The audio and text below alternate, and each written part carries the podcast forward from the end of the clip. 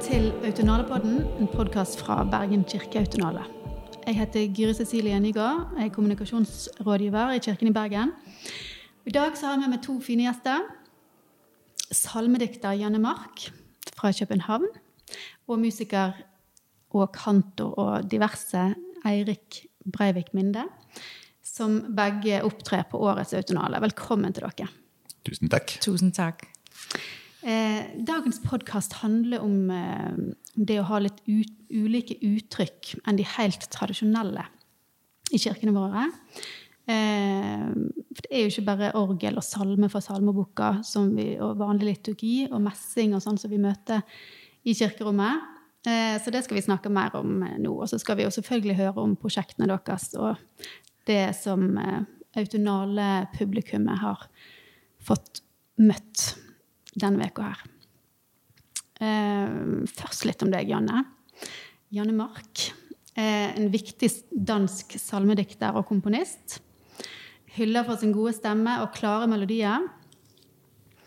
Og ditt siste album, 'Kontinent', det ble nominert til årets vokalutgivelse av DMA Jazz.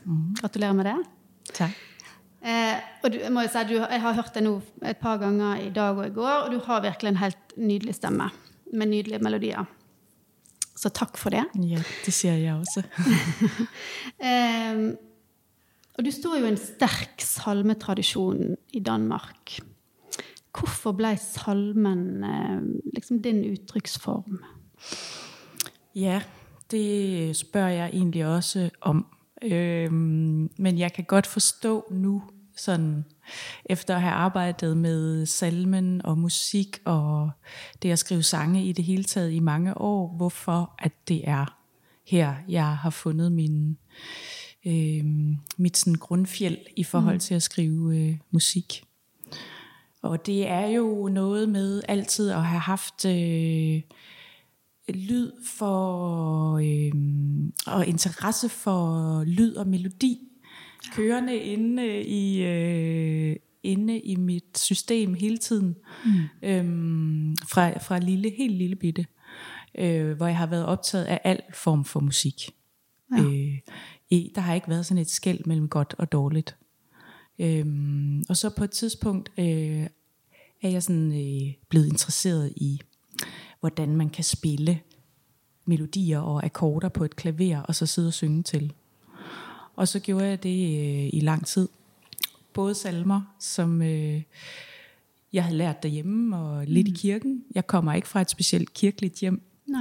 Øh, men også øh, alle mulige øh, sange, vi sang i skolen, og jeg Hvor hørte i gammel var du radioen. cirka da når du begynte med det?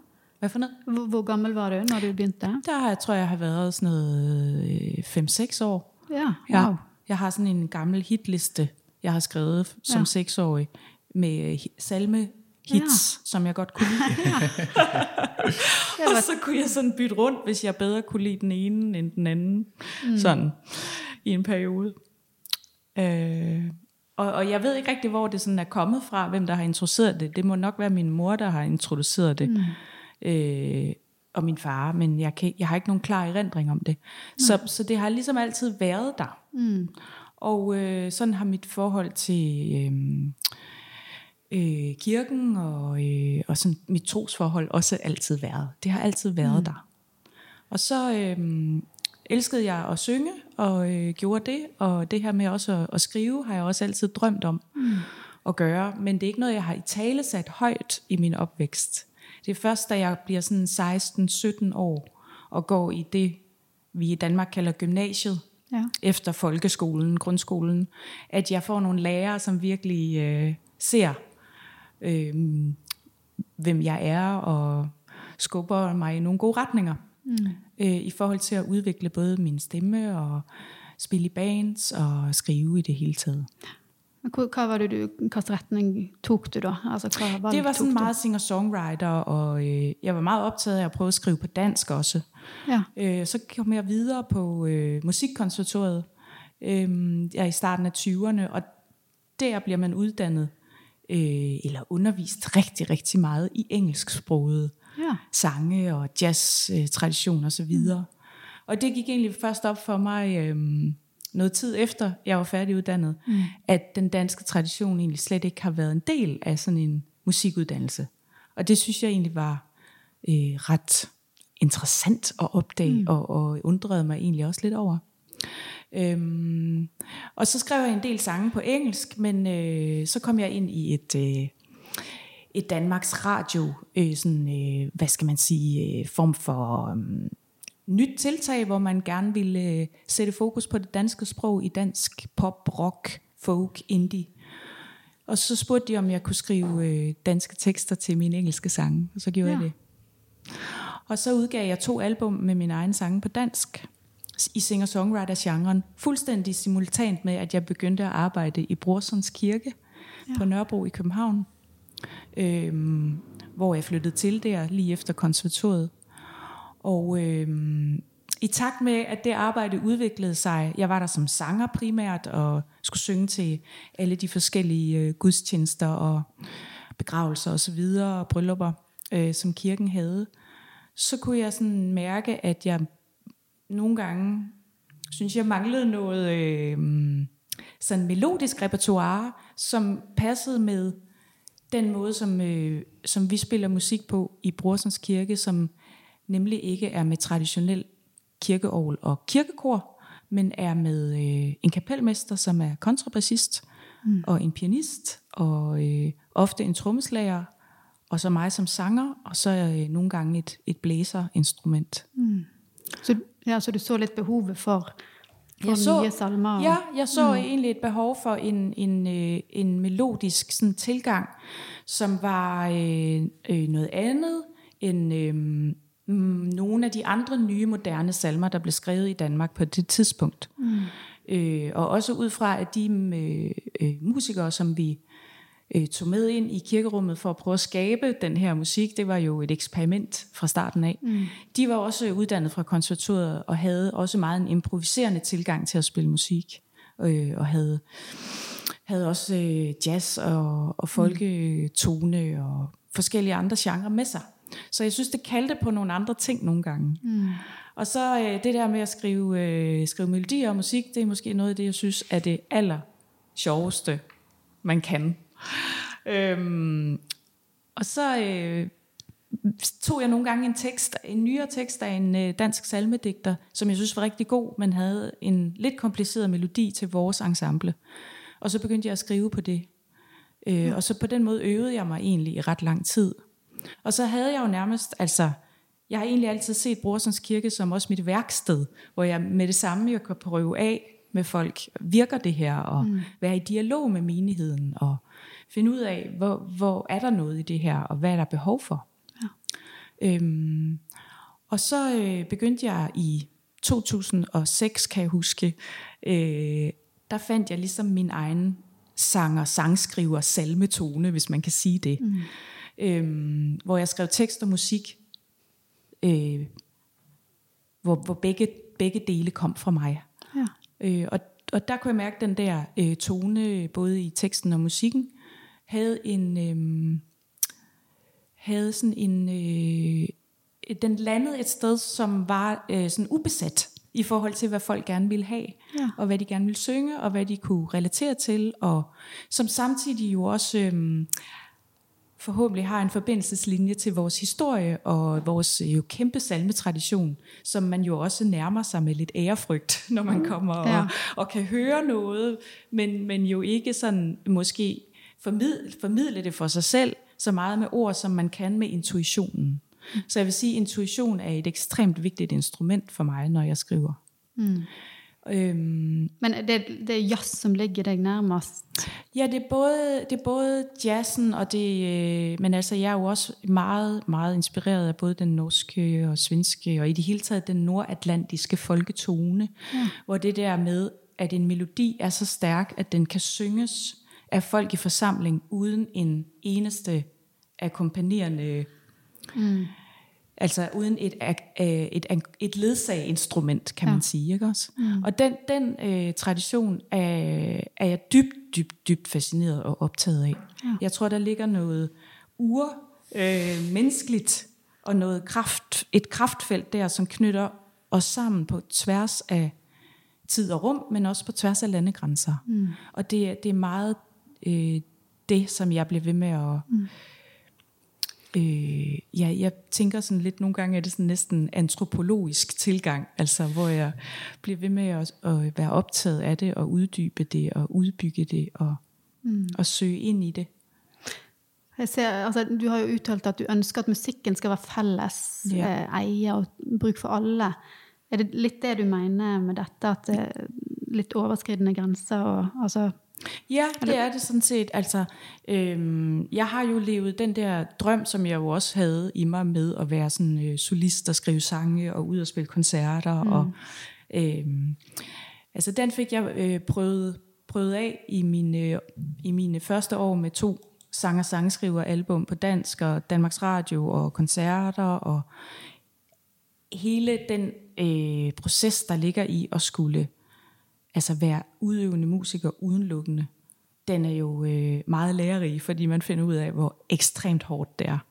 Mm. Øhm, og også for mig øhm, lidt for ensomt og lidt for øh, næringsfattigt. Altså der, jeg havde brug for øh, altså en større, at det pegede ud på noget andet end mig. Mm-hmm. At musikken øh, på en eller anden måde øh, kunne indtage sig andre på en en, en større måde end, end kun at være lyttende. Ja. Øhm, og det med øh, selv at have gået på sådan en dansk folkehøjskole, hvor vi jo har den her folkehøjskole sangbog, hvor vi har øh, nærmest vores øh, kulturtradition øh, skrevet ind i melodier, så vi kan synge vores danske digter. Det har vi jo så gjort igennem de cirka 150 år, hvor den tradition har været eksisterende i Danmark og kom til os med med Grundtvig, salmedigteren og præsten. Øhm, altså siden da jeg selv gik der, var, har jeg også altid været optaget af det der med, hvad er den gode fællessangsmelodi, ikke også? Og blev mig enormt rørt af hver gang vi skulle synge fællessang på højskolen.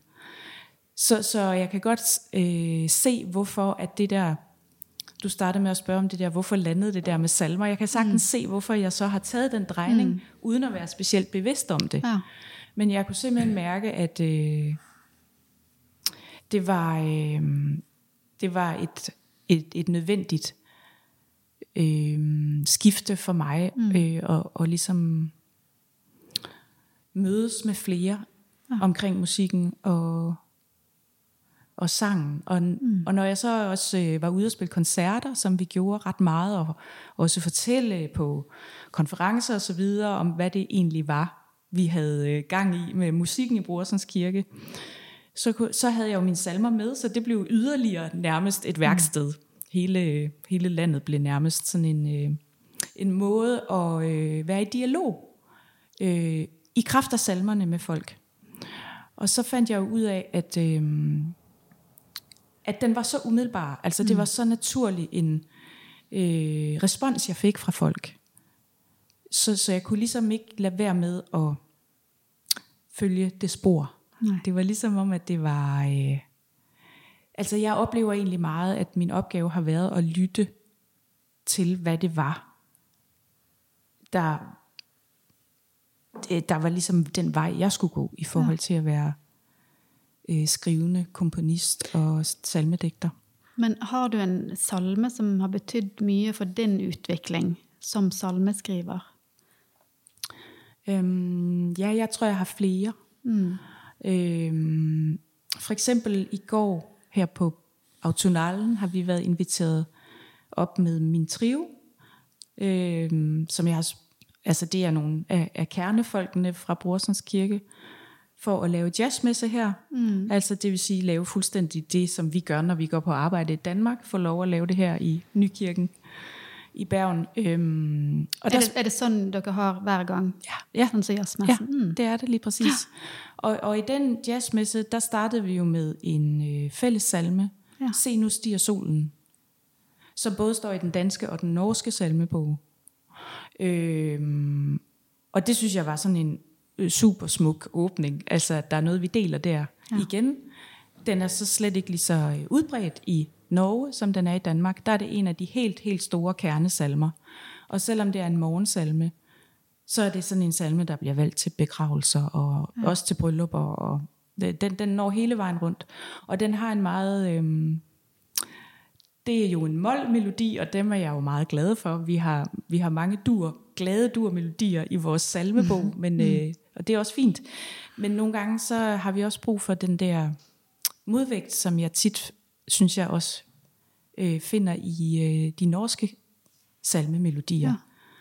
Ja. Øhm, men Se nu stiger solen af Olof Ring, øh, komponist og Jakob Knudsen tekstforfatter.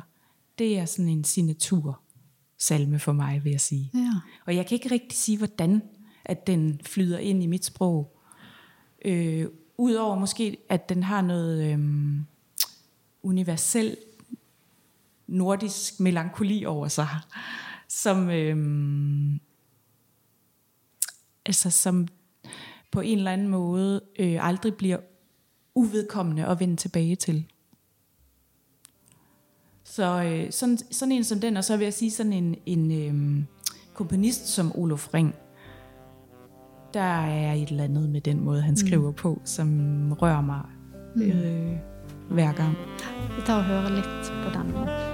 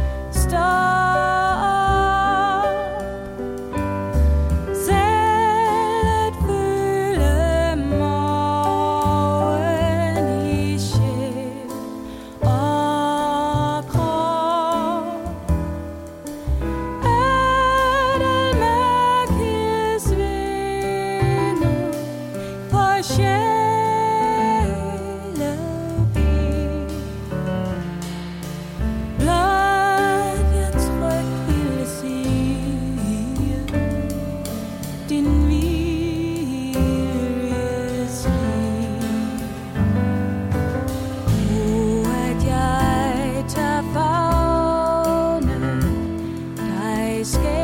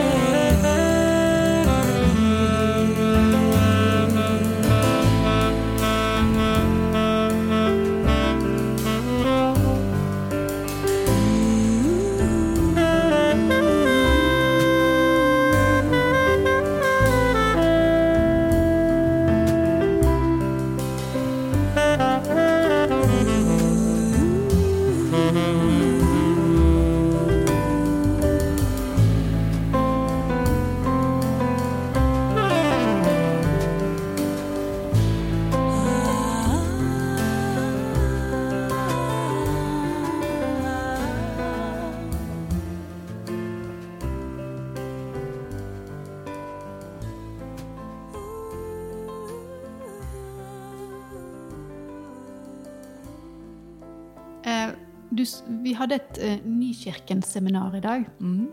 eh, på Autonal, og du snakket om eh, at det var viktig å være brobygger mellom det som har vært, altså med tradisjon, og det som er nå. Eh, vil du utdype det litt? Grann? Ja, det vil jeg gerne. Altså, øhm, for mig er det jo igen det her med at kende sin salmetradition, og have stået og sunget alle de her melodier rigtig meget, og finde ud af, hvad fungerer godt med sådan et ensemble som vores. Hvad kan vi akkompagnere, så det er troværdigt og autentisk? Øh, og det er for eksempel, øh, nu nævnte jeg Senus stiger solen før, men det kan også være øh, frydeligt med jubelkor. Ba da da da da da da da da da da da da da da da da Jeg ved ikke, om vi har den i Norge. Men, øh. Ja, ja, den er... Øhm, den stammer helt tilbage, den tror jeg fra Finland, altså Pia, Pia Cantiones, tror jeg det hedder, som var, som var en retning for mm. 300-400 år siden. Øh, og den har jo sådan, det er jo nærmest folketone, ikke? Mm. Øhm, og det fungerer super godt med et øh, sådan jazz ensemble som vores. Mm. Og der er nogle af de der melodier, som er, som, som jo er, øhm, altså kan gå igennem tid og rum, og er så stærke, at du næsten kan putte et hvilket som helst akkompagnement til det. Men for vores, så, så fungerer de. Men for vores vedkommende, så øh, kan det være svært måske at spille en romantisk melodi, hvor der er mange skift og mange akkorder. Mm. Øh, lige så øh, øh, autentisk, og hvor man, hvor man yder retfærd over for det melodiske og harmoniske.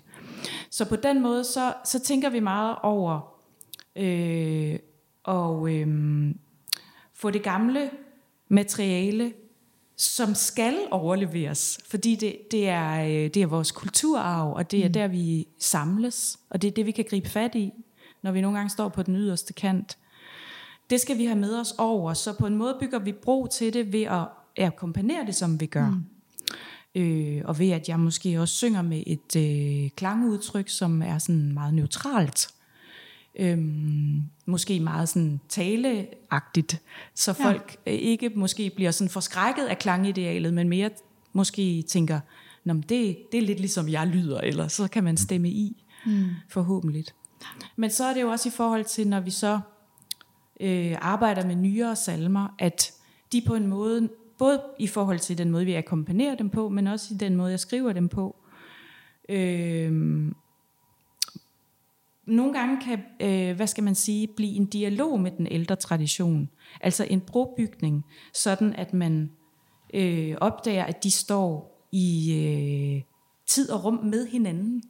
Så for mig så har jeg sådan en oplevelse af, at vi bliver flere og flere. Jeg får flere og flere brødre og søstre i tid og rum på en eller anden måde, fordi jeg opdager, Nå, jamen, altså, de har jo haft de fuldstændig samme øh, tanker og tvivlsspørgsmål og øh, glæde og alt det, som eksistensen indeholder der for 300 år siden, øh, som vi oplever i dag.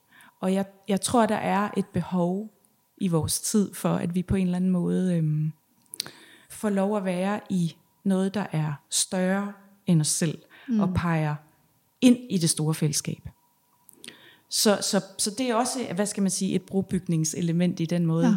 jeg tænker hele mit arbejde på. Både når jeg skriver, men også når jeg synger, men også når jeg, øhm, ja, altså når vi vælger musik til en, til en fuld jazzmesse, at der både er gamle salmer, mm. øh, nyere salmer, som kan være af mig eller andre. Der bliver jo skrevet ekstremt mange nye salmer i Danmark i de her år. Ja, okay. Og vi har også øh, flere øh, tillæg til øh, den autoriserede salmebog. Mm. Fordi der simpelthen øh, nedefra, altså på græsrodsplan, er så stort et behov og ønske for øh, om at synge Ja. øh, nyt, og også synge os ind i den tid, vi er en del af.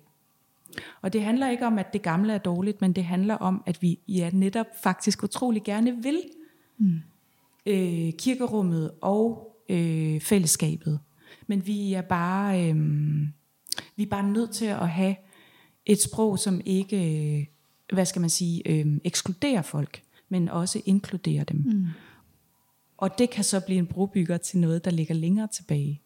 Mm. Både sprogligt og musikalsk. Vi er i hvert fald veldig glad for, at du skriver nye salmer. Eh, og nu skal du få introducere en, eh, en af dine egne salmer, som vi skal høre på. Jamen, så tror jeg, at jeg skal vælge den, der hedder Altid Allerede Elsket, som er fra det øh, nyeste album Kontinent, som udkom i 2020. Og på det album øh, og på den her titel, der spiller både den norske Hardangerfele, det er jo forkert sagt på norsk, øh, spillemanden Nils Øgland spiller med her. Og, øh, og så spiller Arve Henriksen, ja. øh, trompetisten, også med. Og det er to norske musikere, som for mig øh, i deres lyd nærmest er det, som man i den keltiske tradition vil kalde a thin place. Det vil sige et sted, hvor himmel og jord er lidt tættere på hinanden end så mange andre steder på jorden. Mm. Og for mig er deres klang a thin place. Tak. En ud mod horisonten. Et flettet bånd af skygger, lys og mørke. En glitrende vision. Læg kun ud på dybet. Her er du altid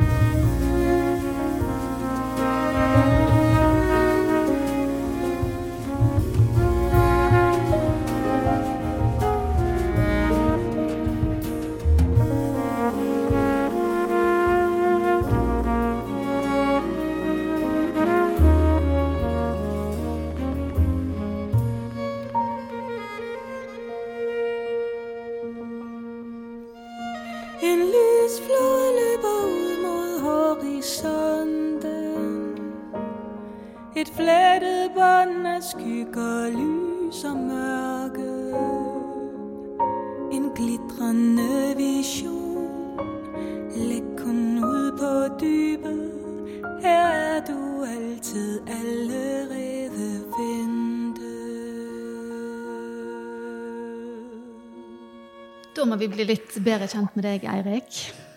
Breivik Minde, hvis jeg skal bruke det fulle navnet. Eh, du skal jo spille en konsert eh, kalt Context Mercy. Eh, Johan- Johanneskirken på Autonallen. Eh, det blir beskrevet som improvisasjon, dans, installasjon, video. Mange trykk, uttrykk på en gang. Høres veldig spennende ut. Eh, og du kaller det en konsertinstallasjon, eller levende musikkinstallasjon. Kan du fortelle litt om det verket? Det er jo eh, Vi har kalt det en konsertinstallasjon i, eh, i kapitler. Eh, og det er fordi at dette stammer fra eh, Dette springer ut av mitt eh, masterprosjekt på jazzlinjen i Stavanger. Der jeg eh, begynte med mm, ingen idé om hva jeg skulle. Eh, og, og litt lite motivasjon for musikk i det hele tatt. Eh, og så sirklet jeg meg eh, tilbake Plutselig så var jeg tilbake til tenårene. Der det var å eh, bruke kirkerom og orgel og teknologi og, og disse folketonemelodiene um, ehm, i herlig blanding for å gå og lete etter eh, noe nytt. Og så skape noen av de her broene eller disse eh, trådene mellom ulike dimensjoner, både historisk og, og, og i lyd. Eh, og det er jo eh, Jeg satt jo bare og nikket og smilte og koste meg mens Janne snakket her, for det er jo det er så mange Segways eh, i det du sier, til det jeg holder på med. Um, den store forskjellen er vel kanskje at mens du leter på en måte kanskje etter mye av det melodiske og, og det fellesskapsbyggende, så er jeg eh, kanskje mer der at sånn eh, Der borte er det ingen som har vært ennå. Der har jeg lyst til å gå. Um, så gjennom disse to årene i Stavanger da, så fikk jeg med meg eh, veldig flinke og fine mentorer. Jeg kom tilbake til kirkeorgelet, og jeg begynte å lete etter hvordan kan jeg få kirkeorgelet til å høres ut som mitt instrument. Altså ikke det som folk forventer. For jeg opplever at både orgel og kirke og kirkerom er, er nesten stigmatisert. Folk har så ekstremt tydelige forventninger til hva de skal møte. Og det at de har så tydelige forventninger, gjør at man på en eller annen måte så slutter man å oppleve ting på ekte. Eller man kan risikere å slutte å oppleve ting på ekte. Um, og, og det begrepet fant jeg hos um, i- igjen hos de russiske formalistene, som kalte det for habitualization. Uh, som da altså gjør Vi blir så vant til det vi opplever, at vi slutter å ta det inn. Ja. Hva var det du kalte det? Happy? Habitualization, Ja. altså uh, vaneforvaning. Jeg vet ikke Ja, hvordan jeg skal ok. oversette det. Um, Habits. Ja, det, jeg, ja. jeg eh, måtte holde en times foredrag om dette. Jeg eh, skal ikke gjøre det nå. Jeg husker ikke alt heller. Men i hvert fall så, eh, så, så, så presenterte de da kuren for dette. Det var da eh, fremmedgjøring. Men ikke fremmedgjøring som i å skape distanse, men som i estrangement, kalte de det. Altså gjøre noe rart. Gjøre det annerledes. Så det jeg har gjort, er at jeg har tatt utgangspunkt i de nordiske salmemelodiene. Og jeg har bevart melodiene eh, intakt. For jeg også opplever en veldig sånn urkraft i de melodiene. Eh, men jeg har eh, da eh, rykket opp og, og, og revet fra hverandre alt det som er rundt.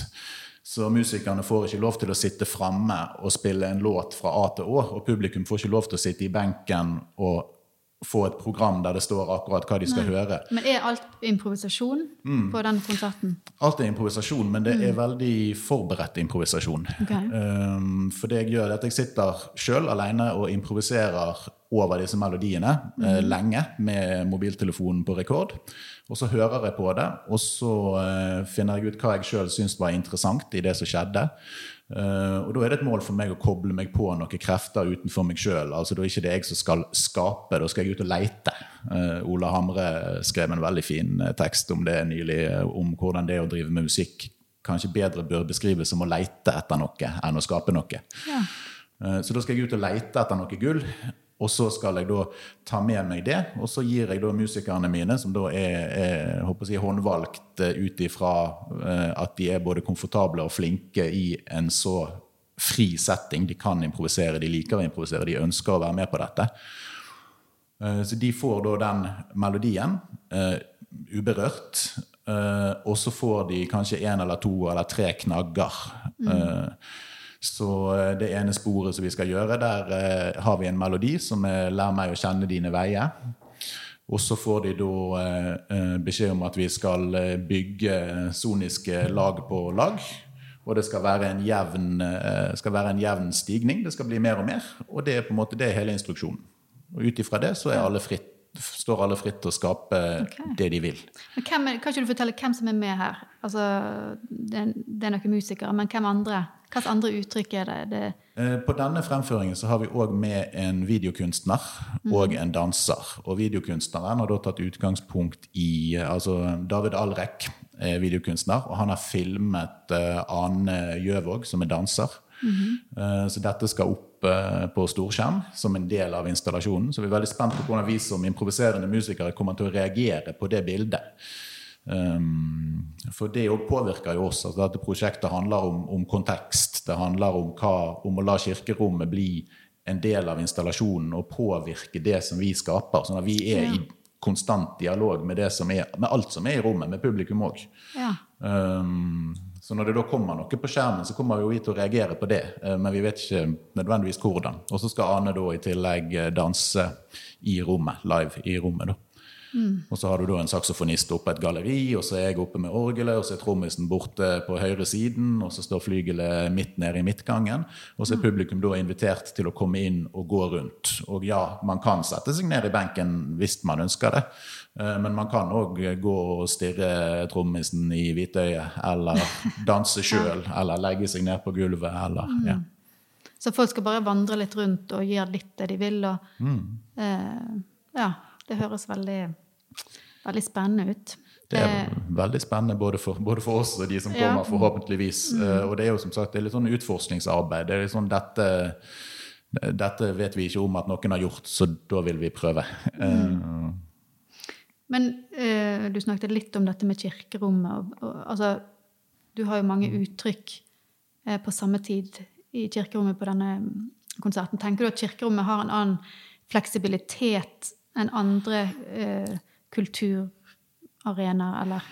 Er, det en, er det en grunn for at dere valgte kirken som, eh, som scene, da? Ja, og kirken er ikke den ene. Kirkerommet er ikke det eneste rommet vi kunne gjort dette i. Eh, Men det er nå dog der det er orgler ofte, så det er en medvirkende faktor. Eh, Men det er tilbake til dette habitualization, vanedanningsbegrepet. At alle rom vi går inn i, der har vi en arv og en ballast med oss. Og kirkerommet har en ekstrem ballast, på godt og vondt. Mange har kanskje vært der i begravelse eller i bryllup.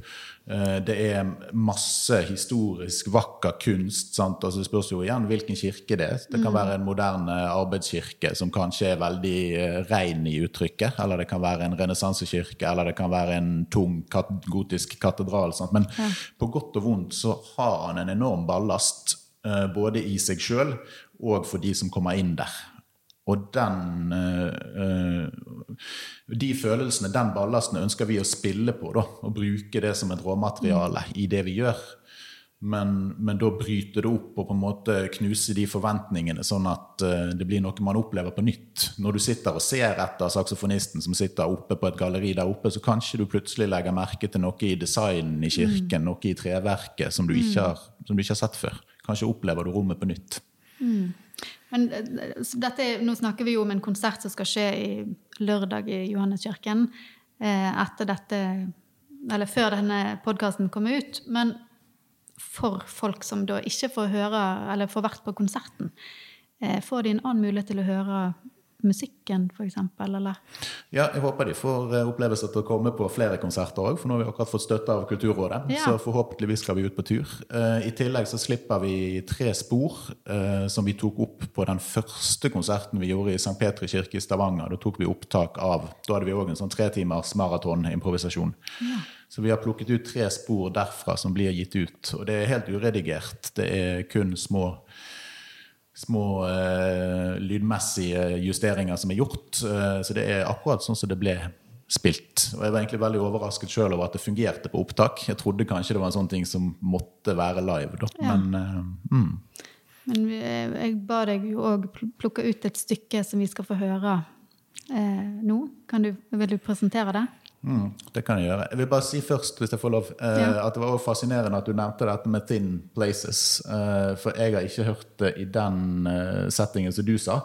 Eh, men jeg kjenner jo Arve godt, og jeg skjønner jo ekstremt godt referansen din. Og Arve er jo en av de som har inspirert meg mye. Skrev særemne om han på videregående.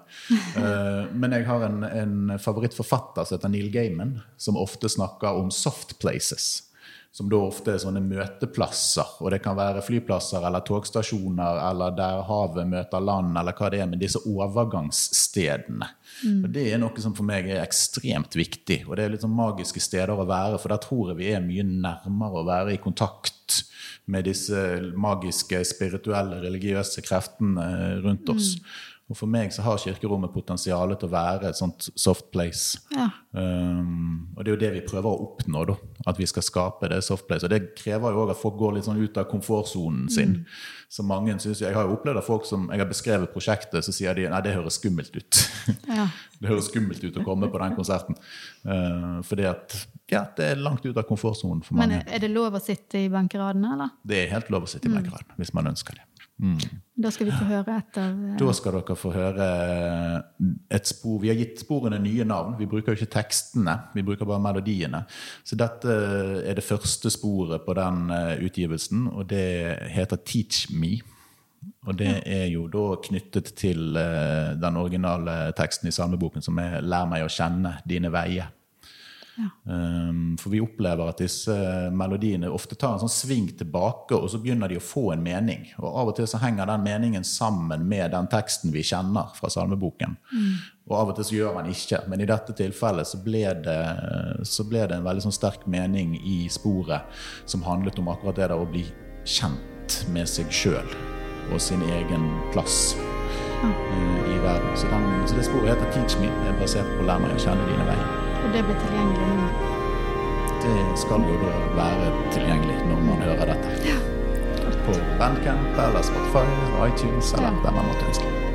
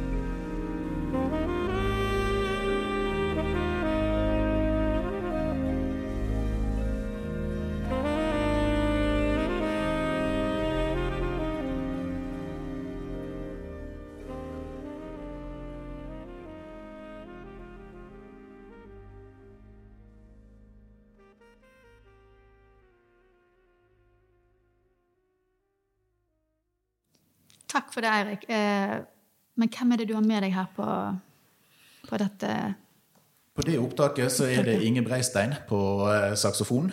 Og så er det HC Dalgård på eh, trommer. Så er det Håkon Holmås på lyd og teknikk. Og så eh, er det ikke John Derek Bishop. Han er med i prosjektet nå, men han var ikke med på den første konserten. Men han er da altså den ene av bandmedlemmene som jeg ikke ellers ville fått nevnt. Så da måtte jeg si det. Flott. Når, når eh, jeg skulle gå i gang med å forberede litt denne podkasten med ulike uttrykk eh, i kirkerommet, så begynte jeg å tenke på om kirkerommet er for hellig til noen uttrykk. Men jeg vet ikke om dere har noen eh, tanker om det. Altså, har dere, er det noe dere ville blitt provosert over å bli møtt med, eller eh, tenker dere at alt, alle slags uttrykk passer i et kirkerom? Nei, jeg tenker at Nei. det kirkerommet er for hele mennesket. Alt, alt vi har å komme med. Alt man ønsker å vise i kirkerommet, det er, det er eh, all vår kreativitet er Guds gode gave, og han eh, tar imot det. Ja, det tænker jeg som udgangspunkt også. Altså, øhm, man kan jo sige, at det øh, kirkerummet er jo øh, sætter jo konteksten, altså, øh, og der er jo noget musik, som måske er mere kontekstafhængigt end, end andet, mm. altså, men, øhm, men, men det, hvis man ligesom kommer med, med, øh, med det budskab i forhold til, om man nu spiller heavy metal, eller hvad, hvad det nu er for en genre, man kunne forestille sig øh, ikke bliver præsenteret så ofte, så handler det jo i bund og grund netop om, hvad er det for øh, mennesker, der kommer, at hvad er det, de gerne vil afsende ind mm. i det rum. Så hvis der er den der tilknytning øh, hos, hos, øh, hos dem, der leverer måske en genre, som ikke er så ofte hørt, mm. så, så kan alt tale ind i, i rummet. Jeg blir mer provosert Eh, over de som kommer med noe i kirkerommet som der de ikke har noe ønske om å være der. Altså Hvis kirkerommet blir en ren konsertsal som eh, er fin og altså Det er jo en, det er jo et vepsebol, men det er jo en stadig debatt med, med kommersielle julekonserter, f.eks., der du opplever utøvere som kanskje er, er helt eh, helt likegyldig til å være i kirkerommet, og, og kanskje til og med snakker det ned. Og Da handler det ikke om sjanger, da handler det om, om intensjon med å være der. Jeg tror ikke, Sjanger er ikke for meg et tema i forhold til kirkerommet. Nei. Nej, og jeg øh, kan fuldstændig sætte mig ind netop i det, du siger med, hvis folk ikke rigtig har, øh, kan knytte an til rummet og skal spille musik i det. Det har vi også oplevet nogle, nogle få gange, hvis vi har haft en musiker med i, øh, i bandet til en højmesse, som simpelthen har haft svært ved at, at være i rummet, og har haft svært ved øh, at måske også øh, nogle af de... Øh, altså ord, der bliver brugt i salmerne, så er det så svært at få musikken til at, øh, hvad skal man sige, udfolde sig mm. på musikkens præmisser. Mm. Det er, der- der hvis har- vi skal arbejde så hårdt for ligesom at få det til at, øh, øh, og, og, og være den der forbindelseslinje til, til alle os, som er samlet for at skabe en gudstjeneste i kraft af hinanden, mm. som det jo er. Ikke? Altså, det, det er så tydeligt at mærke. Og det handler jo ikke om at, man, at alle som gjør noe i et kirkerom, må være dypt religiøst eller liksom ha stemplet eh, Jesuspasset. Altså det, det, det handler jo bare om at man må ønske å være der, og man må ha en respekt og en, og en forståelse for, for, eh, for hvor man er. Og at man, at man møter folk med, med, med åpne hjerter og ja, gjensidig respekt. Men dere som spiller masse i kirke, både som eh, kantor og altså musikere, eh, merker dere at folk, publikum som kommer i kirkene, er litt, oppfører seg annerledes enn de gjør hvis dere har spilt på andre arenaer? Eller, eller kommer de inn med en eh, Ja, med, med en litt mer ærbødighet og, og verdighet, på en måte? Eller? Ja, altså hvis det er koncert i et kirkerum, mm. er det det, du tænker? Ja. Øhm, Eller er ikke det så annerledes, kanskje? jo, altså jeg, jeg tænker på en øh, booker på Copenhagen Jazz Festival, som vi har en del samarbejde med mm. i Brorsons Kirke øhm, på deres sommerjazz og deres vinterjazz, hvor de øh, lægger nogle koncerter hos os, som, som, som passer godt ind i at ligge i et kirkerum. Øhm, og der sagde en af bookerne på et tidspunkt, øh, rummet fordrer koncentrationen. Mm. Og det synes jeg var, øh, det synes jeg var så fint. Men jeg, og jeg synes også, jeg kan mærke noget andet end koncentration hos publikum. Øhm, at de vil gerne berøres. Og ja. de vil også gerne tages, øh, de vil gerne genfortrylles. Mm. Øh, og, og det handler jo, for mig i hvert fald, mm, utrolig meget om, at det øjeblik, hvor vi er til stede sammen med det, vi nu gør, om det er en gudstjeneste, om det er en koncert, eller hvad det er, vi er sammen om at dele, så er vi alle sammen øh, medskabere af det øjeblik. Mm. Altså der, øh, der er, der, det bliver altså, hvad skal man sige, et mødested. Og dem, der var med i det møde, er alle sammen en del af, at det blev det møde. Mm. Øhm, og det synes jeg, man kan mærke, måske at kirken øh, skærper folk i forhold til, at det kan opstå. Mm. Og det kan man jo møte mange andre steder òg. Man har jo vært på magiske konserter på, på nattjazz på verftet, der det er helt tydelig at alle er der for en eller annen sånn, sånn felles forventning, og utøverne klarer å skape et sånt fellesskap og sånt. Mm. Men kirkerommet legger vel kanskje i større grad til rette for det. Uh, mens på en del andre arenaer så kan du på en måte Så det er ofte man møter andre forventninger igen. Mm. Helt sikkert. Altså, øh, et, et, et eksempel fra den virkelige verden er, at vi i sidste uge spillede vi Kontinent-albummet øh, live for første gang. Det er så to år siden, det er udgivet.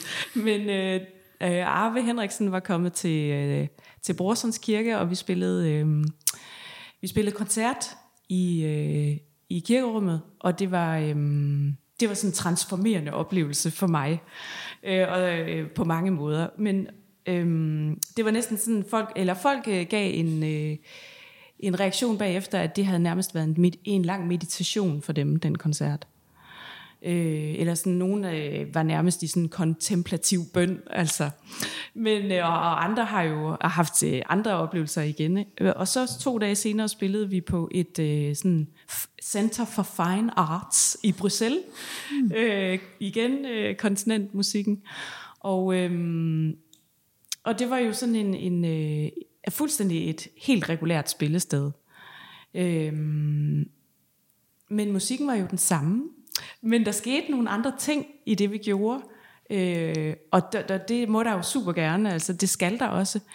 Men jeg tænkte alligevel øh, på samme måde i forhold til den måde, jeg forsøgte netop at skabe den samme oplevelse af, at vi er her sammen, vi skaber den her time i kraft af hinanden.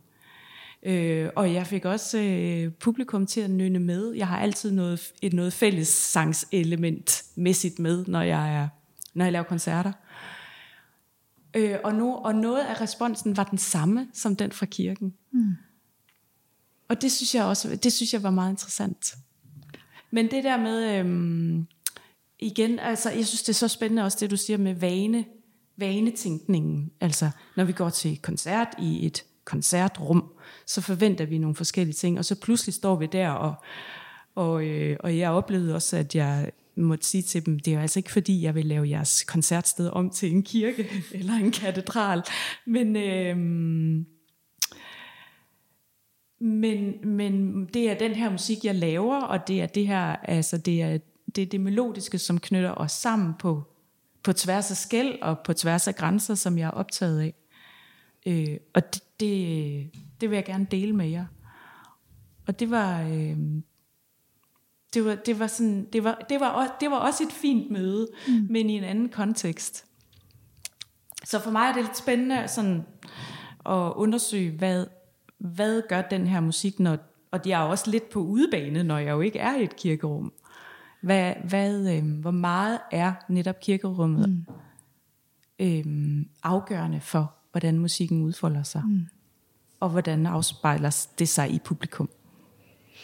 da går vi mot en avslutning her. Eh, vi har jo snakket litt om at kirkerommet kan brukes til veldig masse annet enn bare gudstjeneste og dåp og bryllup og sånn. Eh, og jeg tenker vel at kultur i kirkerommet det kan invitere til nye refleksjoner blant publikum. Og det som kirkeautonome så ønsker vi å, å åpne opp for det.